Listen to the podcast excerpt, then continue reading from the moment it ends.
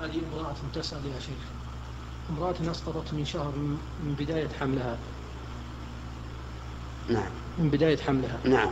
فهل تصلي في حيث أن الدم اللي يخرج منها يستمر قد يستمر 15 يوم أو 20 يوم؟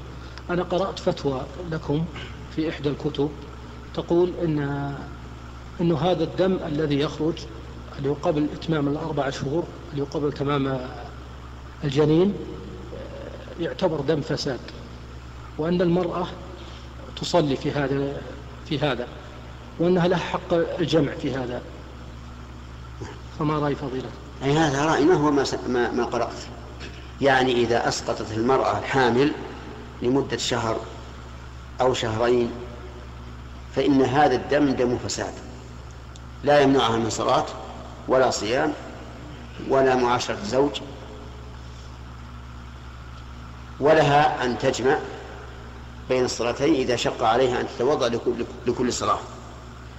والقاعدة في ذلك عند أكثر العلماء أن المرأة إذا أسقطت جنينا فإن كان قد تبين فيه خلق الإنسان فالدم دم نفاس.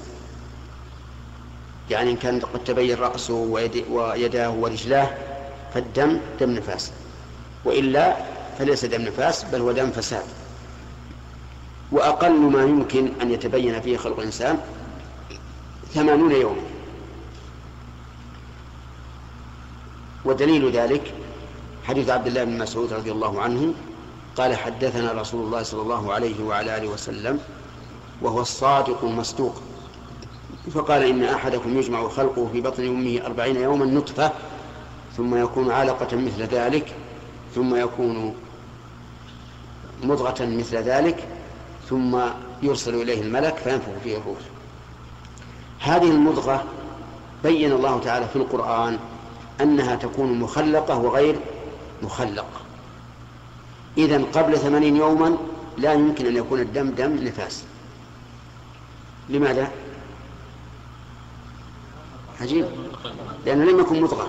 حتى الآن هو علقة بعد ثمانين يوما صار صار مضغة. هذه المضغة قد تخلق وقد لا تخلق. لكن إذا بلغ تسعين يوما فالغالب أنها تكون مخلقة. الغالب إذا بلغ تسعين يوما تكون مخلقة.